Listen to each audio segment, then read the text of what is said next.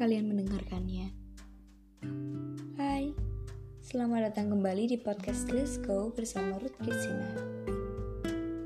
Halo, gimana kabarnya?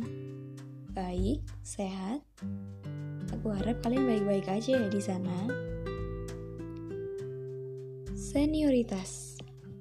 Iya, senioritas entah di sekolah, tempat kerja, atau di mana pun, pasti ada yang namanya senioritas.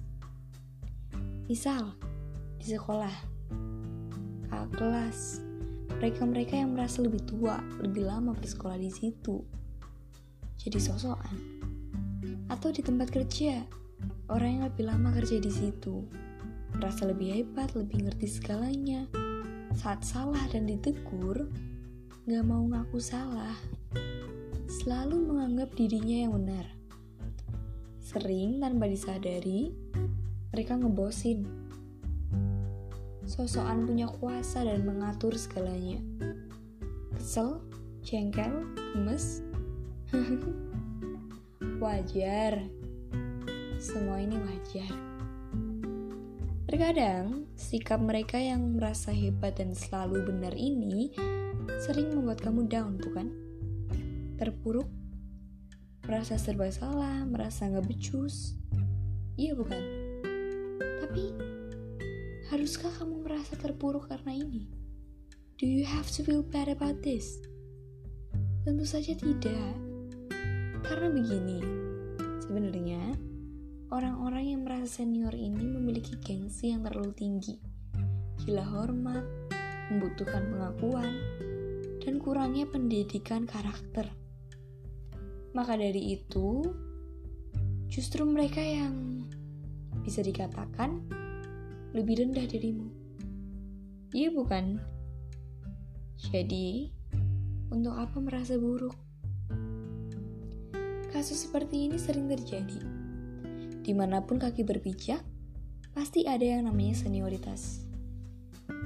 Jadi, nggak apa-apa tunjukkan ke mereka bahwa kamu juga bisa, atau bahkan lebih unggul. Ayo, percaya diri. Ayo, stand up for yourself. Tapi, ada tapinya.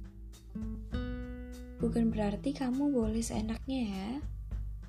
Bersikap gak sopan, berteriak, atau mungkin yang lebih parah, baku hantam. harus tetap sopan ya. Attitude-nya harus ada.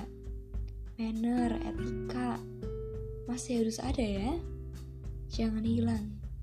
Kamu boleh tersakiti. Kamu boleh direndahkan. Tapi harus bisa lapang dada ya. Terima aja. Hadapi dengan senyuman. Lawan dengan baik. Buktikan ke mereka dengan sikap yang masih menghormati. Kendalikan emosi, karena begitu kalian kehilangan kendali, kalian mengamuk, marah, berteriak. Bukan hanya reputasimu yang hancur, tapi mereka juga akan merasa puas. Apa kamu mau itu terjadi? Tidak kan? Yuk, belajar kontrol emosi. Aku kasih tips ya.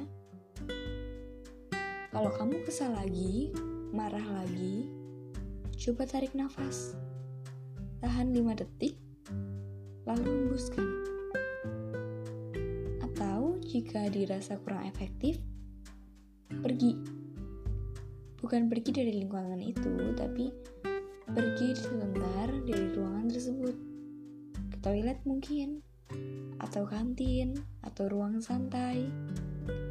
Try to get some fresh air. Tenangin diri dulu, minum, relax. Atau bisa tuh telepon orang yang disayang.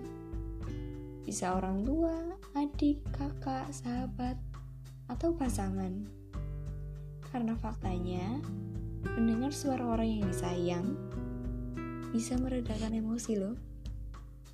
Tapi pastikan dulu mereka nggak sibuk Atau jika memang dirasa nggak baik, dirasa lingkungannya toksik, kamu mulai kehilangan dirimu sendiri, stop. Pergi. Cari tempat yang lebih baik. Bukannya menyerah menghadapi keadaan, tapi kalau memang toksik, berdampak buruk, kenapa stay? Kenapa memilih tinggal? Don't let them get you down. Hei jagoan, kamu terlalu berharga untuk mereka injak. Kamu terlalu kuat untuk dihancurkan. Hey queen, hey king, put your head up or your crown falls. Tetap semangat ya. Kamu hebat. Oke, okay, segitu aja yang bisa aku bagikan. Semoga ini bermanfaat ya. Kalau ada request topik untuk dibahas atau sekedar butuh tempat untuk bercerita, atau seseorang untuk mendengar, bisa langsung DM Instagram pribadiku di @ruthkristina75. Kecil semua dan disambung semua.